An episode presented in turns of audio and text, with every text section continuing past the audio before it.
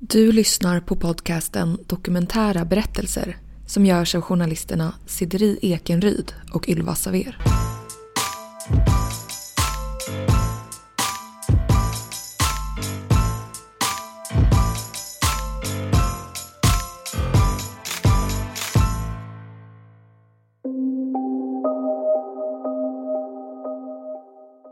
Under våren 2019 hade HBOs tv-serie Chernobyl premiär.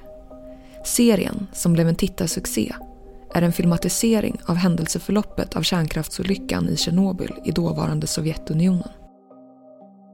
Men hur upplevdes den där natten, den 26 april 1986, av de som faktiskt var där?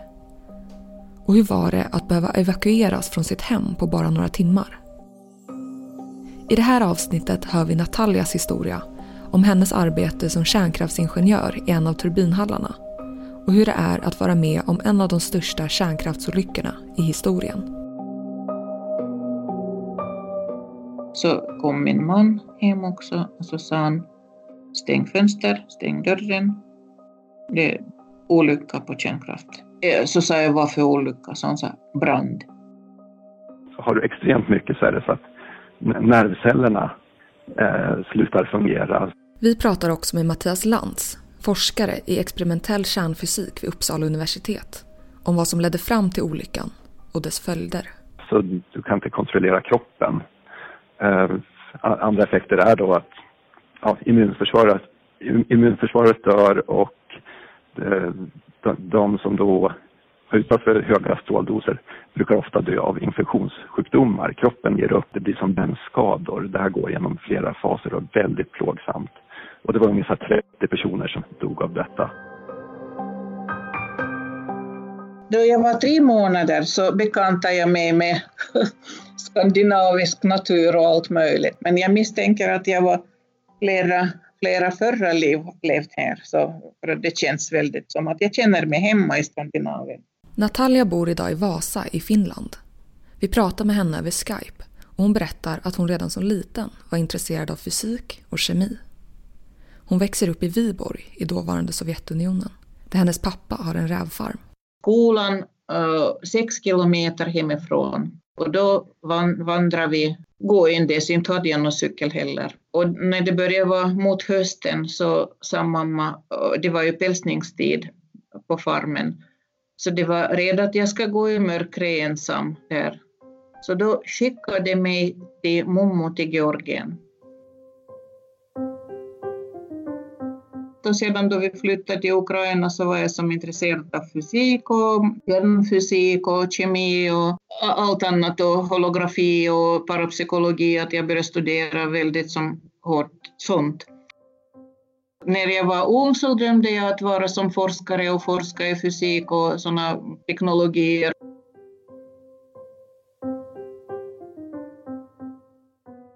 Hennes intresse för kärnfysik får henne att söka till universitetet i Moskva.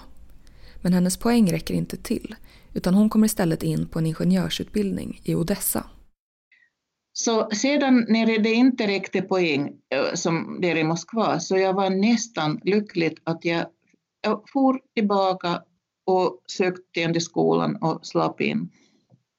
Jag hade jättebra betyg, så det var, det var väldigt enkelt. Och vi var fem flickor och 25 pojkar på, i min grupp.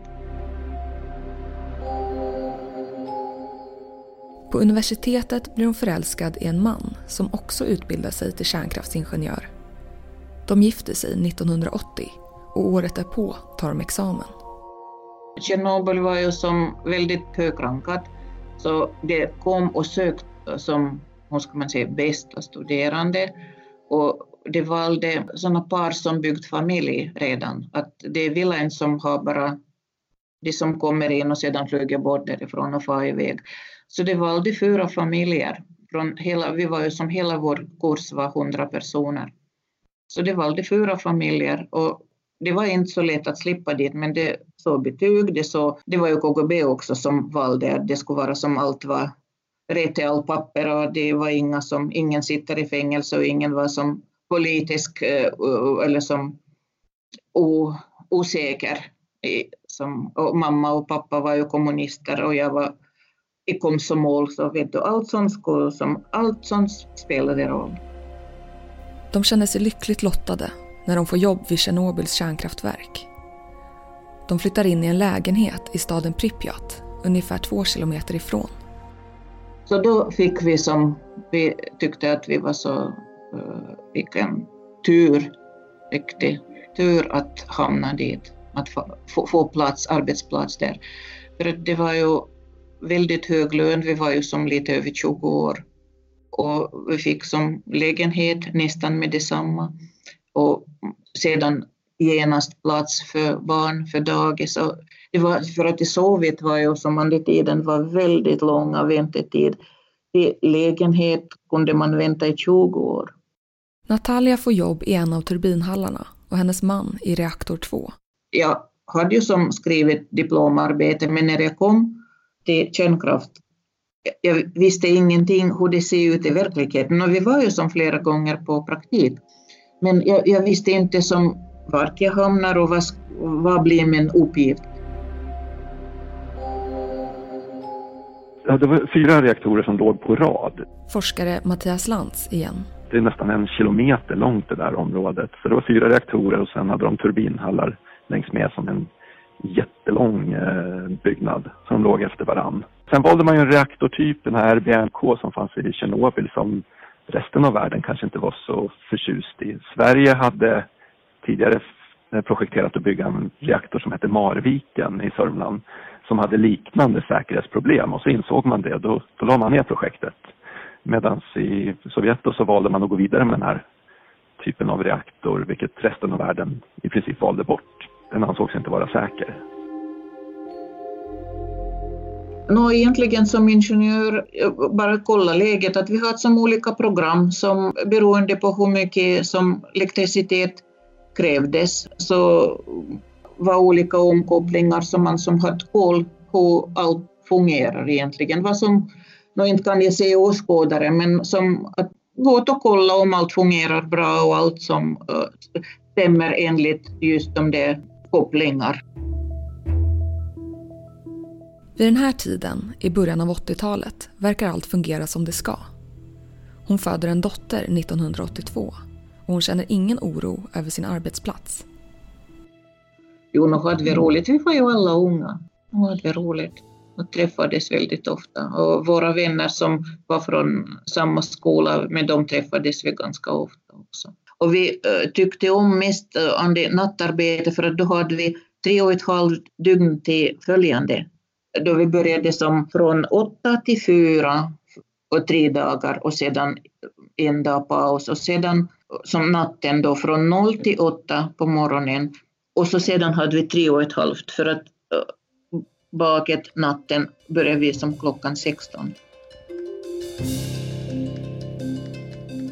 Efter några år byter hon avdelning för att slippa arbeta nattskift. Det är svårt att få vardagen att gå ihop med hennes treåriga dotter hemma och dessutom är hon gravid med sitt andra barn. För att dottern var ju liten, så jag kunde inte vara så ofta lämna henne. Och mannen jobbade också skift. Så då sökte jag till en annan avdelning som det flyttade mig. Natten till den 26 april 1986 är Natalia och hennes familj hemma i lägenheten i Pripyat och sover. I Tjernobyls reaktor 4 genomförs samtidigt ett experiment.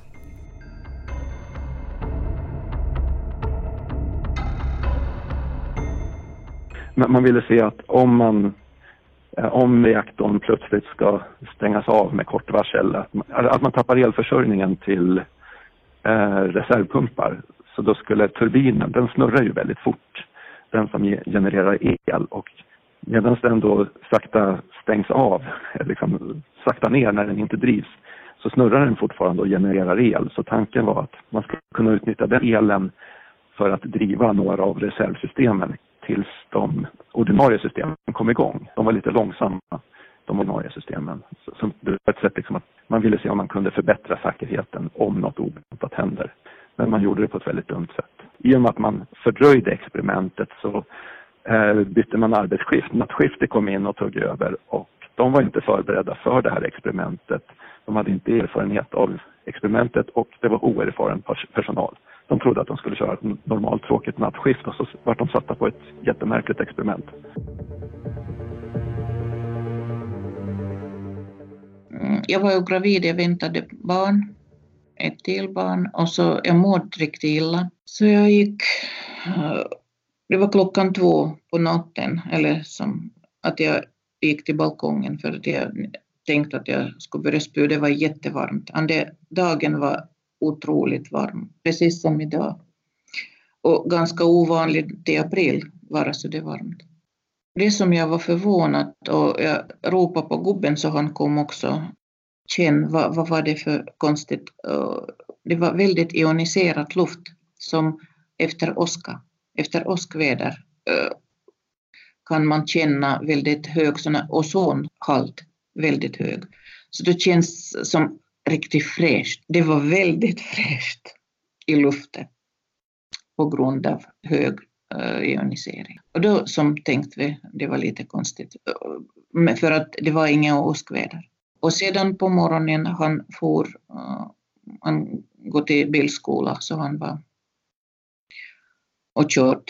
Och jag var med dottern ute. Vi var till butiken och gått som till eh, min kompis med hon, just hon det som jobbar på det femte eh, skift på natten. Så vi gick till henne men hon var inte hemma och då var jag riktigt förvånad.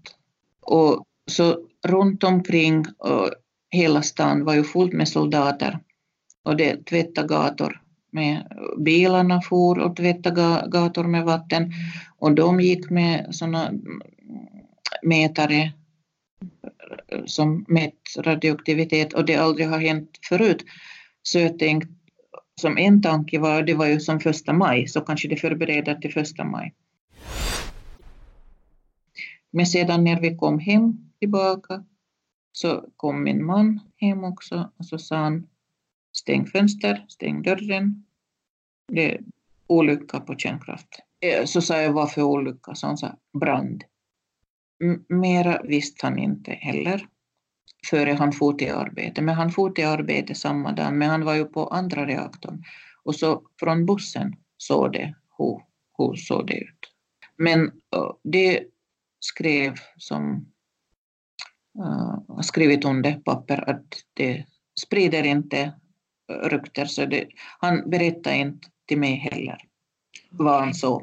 Först efter många år sa han, vad det så. Att det var stora grafitbitar från eh, reaktorn som flög över hela gården där. Och vi var ju som utbildat så att våra reaktorer var bästa. Vet sovjetiska maskiner och reaktorer var ju bästa. Och våra miniräknare var största i världen. Nattens experiment hade lett till en explosion som förstörde reaktorn. Först och främst ingen säkerhetskultur och så har vi ett ja, Sovjetsamhälle liksom med en tystnadskultur där du kanske inte ifrågasätter saker som man hoppas att folk gör i andra länder. Eh, sen huvudorsaken var ju det här experimentet då som syftade till att testa att förbättra säkerheten. Men experimentet genomfördes inte under de förhållanden som var tänkt och ändå så fortsatte man med det experimentet. Så fort förhållandena ändrades borde man ha avbrutit det och väntat på ett lämpligare tillfälle. Och så bröt man mot flera säkerhetsregler. Man stängde av vissa reservsystem för att kunna genomföra experimentet. Så hela experimentet var dåligt designat och man borde ha stoppat det. Eh, och det här gjordes ju då på en reaktor som resten av världen inte ville ha. Till följd av explosionen och den påföljande branden sprider sig det radioaktiva avfallet i luften. Jag brukar försöka likna det vid en ficklampa. Menar, om du lyser på någonting, ljuset, det är strålningen. Tar du bort ficklampan då, då utsätts du inte för strålningen längre. Men ficklampan är det strålande materialet. Så du vill inte få den i dig. Eller vi kan tänka oss radioaktivt damm liksom, som du har på kroppen. Du kan tvätta bort det och då, är, då utsätts du inte mer för det. Men dammet fortsätter vara radioaktivt var det nu hamnar. Har du extremt mycket så är det så att nervcellerna eh, slutar fungera så du kan inte kontrollera kroppen. Eh, andra effekter är då att ja, immunförsvaret, immunförsvaret dör och eh, de, de som då Utanför höga stråldoser brukar ofta dö av infektionssjukdomar. Kroppen ger upp, det blir som brännskador. Det här går genom flera faser och är väldigt plågsamt. Och det var ungefär 30 personer som dog av detta. Ehm, så det är en väldigt plågsam sätt att dö som tar någon vecka till några månader. Ehm, sedan lägre doser då så kan det finnas en förhöjd risk för cancer och beroende på vad det är så kan det ta 5, 10, 30, 40 år innan det visar sig. Så det är ganska svårt att följa upp det här också på ett bra sätt. Natalias man åker ändå till jobbet för att fortsätta arbetet på den andra reaktorn som fortfarande är igång. Så jo, men man måste ju ha personal just för att som följa med alla processer och han var ju som exakt samma ingenjör som jag men bara på reaktoravdelningen. Och vi, det var ju som tre reaktorer till och sex turbiner. Så de ska ju, man, det, man kan inte som stänga av reaktorn. Kedjereaktion pågår upp till 50 miljoner år. Så det går inte att stänga av som en bara kran. Det funkar inte så. Det var tvungna att vara där. Staden Pripyat, som ligger alldeles intill, börjar evakueras på förmiddagen den 27 april. Bussar anländer och Natalia och hennes dotter åker med medan hennes man stannar kvar. Staden var ju näst, nästan 50 000 invånare och alla ska evakueras på samma gång. Eh, människorna där fick en förhöjd stråldos som är ja, nästan tio gånger högre än den vi får på ett år i Sverige och då hade de varit där bara ett, ett till två dygn extra. Så hade de varit kvar så hade de fått högre stråldoser och kanske en något förhöjd risk för cancer. Eh, sen upptäckte man att människor som inte bodde i Pripyat utan bodde på landsbygden beroende på hur vindarna gick och så, så där var det människor som fick avsevärt högre doser och de har en förhöjd risk för cancer, några av dem också då. Eh, och, och, sedan upptäckte man ytterligare ett område som var eh, en bra bit bort där det hade regnat ner mycket. Och de, de fick också högre doser så de har man flyttat på senare. Hon bestämmer sig för att ta tåget till sina föräldrar i Odessa. Vi åkte med bussen till Kiev och där sprang jag direkt till järnvägsstation. Och där såg jag, då de har sagt att det var ingen panik. I Kiev var panik, inte som i Pripet, där var ingen panik för att vi satt ju hemma, vi kunde inte gå ut och göra någonting. Och då hade jag tur igen, för att där var min arbetskamrat från turbinavdelningen en, eh, som en annan ingenjör.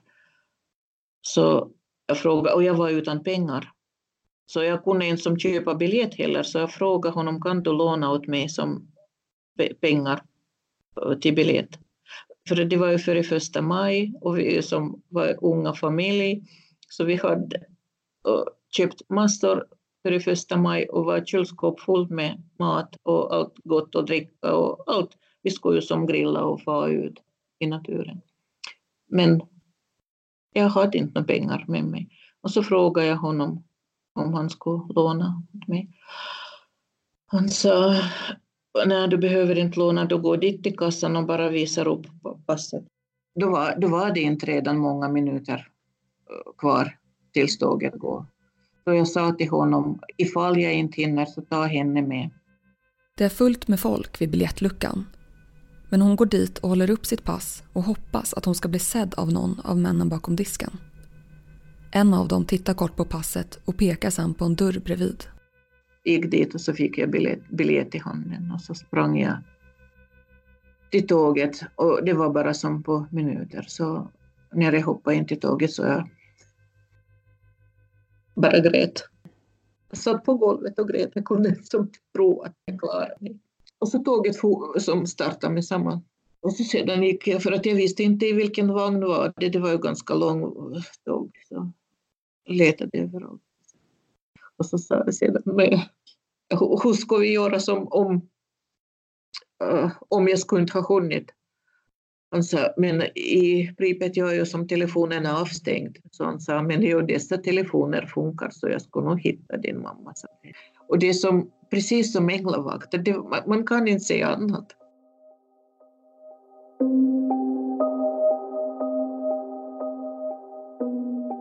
Hemma hos sina föräldrar försöker hon hitta livstecken från sin man som är kvar i Pripyat. Dagligen öppnar vi tidningar och så var det som, för att det publicerade namn, vem som dog. Och så såg vi att det var inte där, hans namn var inte där. Så då, okej, okay, så, så han lever. Och första maj ringde han. Då fick han som några dagar ledigt. Men de kunde inte ringa från Pripet, så han for till hans mamma, hon bodde inte så långt borta från Kiev. Så han for dit, han lånade någons bil eller som, och så for han dit och ringde därifrån. Och så hoppade jag på tåget och for till honom. Och det var ju första maj och alla skrattade och var glada. Jag tänkte, men herregud, er människor lever och vet ingenting hur vi har det just nu. Ingen visste om. Och jag bara satt och grät där på bussen och tänkte, men vad, vad, vad kan man göra?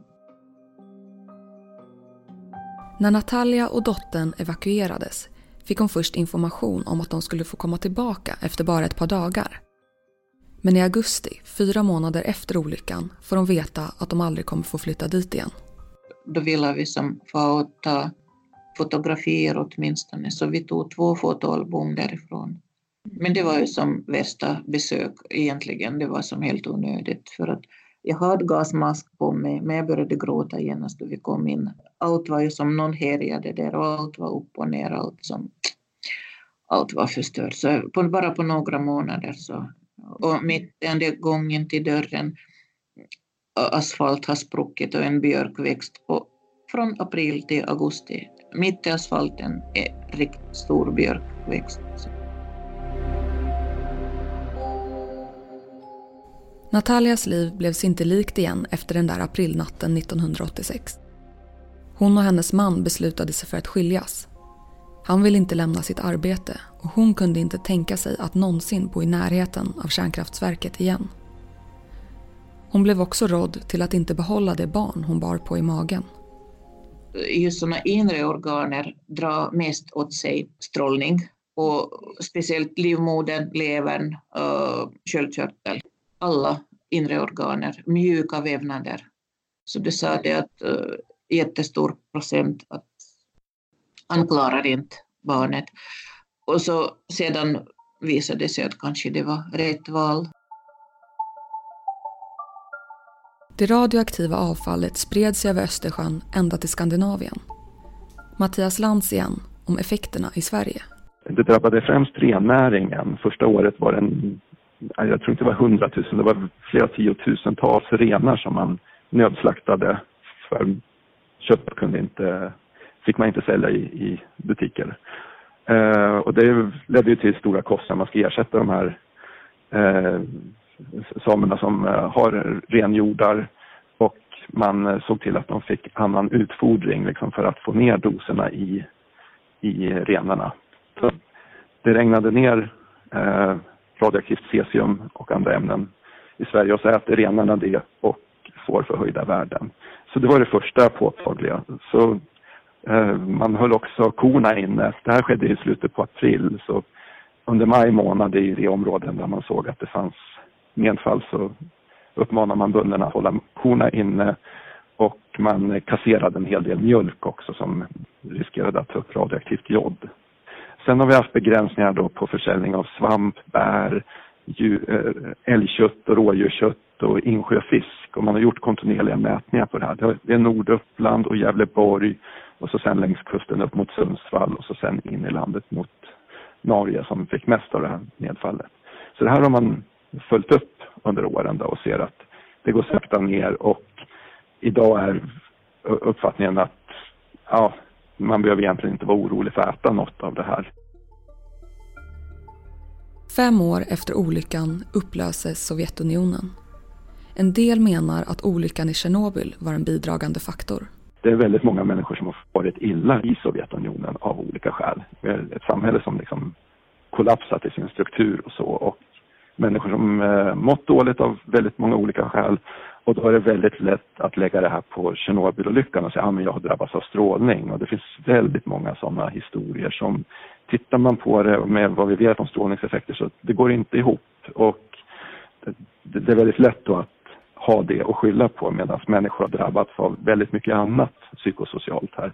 Om, om vi tänker på Sovjet som var 250 miljoner invånare nästan och alla bodde i var, varför de där pojkarna lyssnade på vår huvudingenjör datlof. För att de, de vågade inte, vi var ju som, vi växt att lyda. Vi var som uh, lärt att lyda.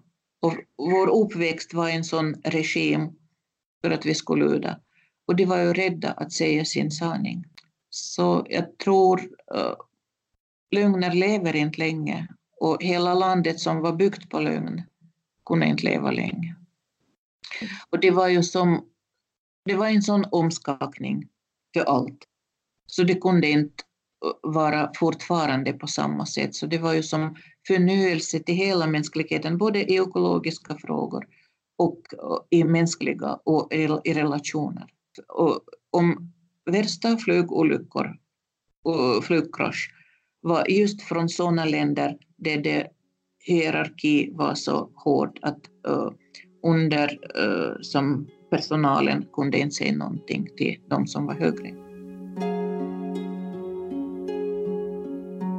33 år har gått. Natalia bor sedan länge i Finland med en ny man. De har fått en son tillsammans. Och i Tjernobyl har alla reaktorer stängts ner. De byggde en, en sarkofag runt det här för att eh, skärma av eh, så det inte skulle komma ut mer material och skydda det från väder och vind. Och det var väl ett bygge som inte, det var ett svårt bygge. De byggde det här väldigt fort på några månader. Eh, men de visste att den här byggnaden kanske håller 30 år, sen måste vi bygga någonting nytt. Och sen dess så har man planerat för en större sarkofag och det är många länder som har hjälpt till med bidrag till det här. Man har byggt som, man kan säga som en stor hangar på, eh, på hjul som man har rullat över hela reaktorn för att skydda den från väder och vind. Och då ska man kunna jobba i lugn och ro med att eh, sanera och ta ner saker där. Jag vet inte exakt vad planen är där inne men man, man arbetar kontinuerligt liksom med att förbättra situationen där. Och den här eh, sarkofagen beräknas kunna hålla i hundra år.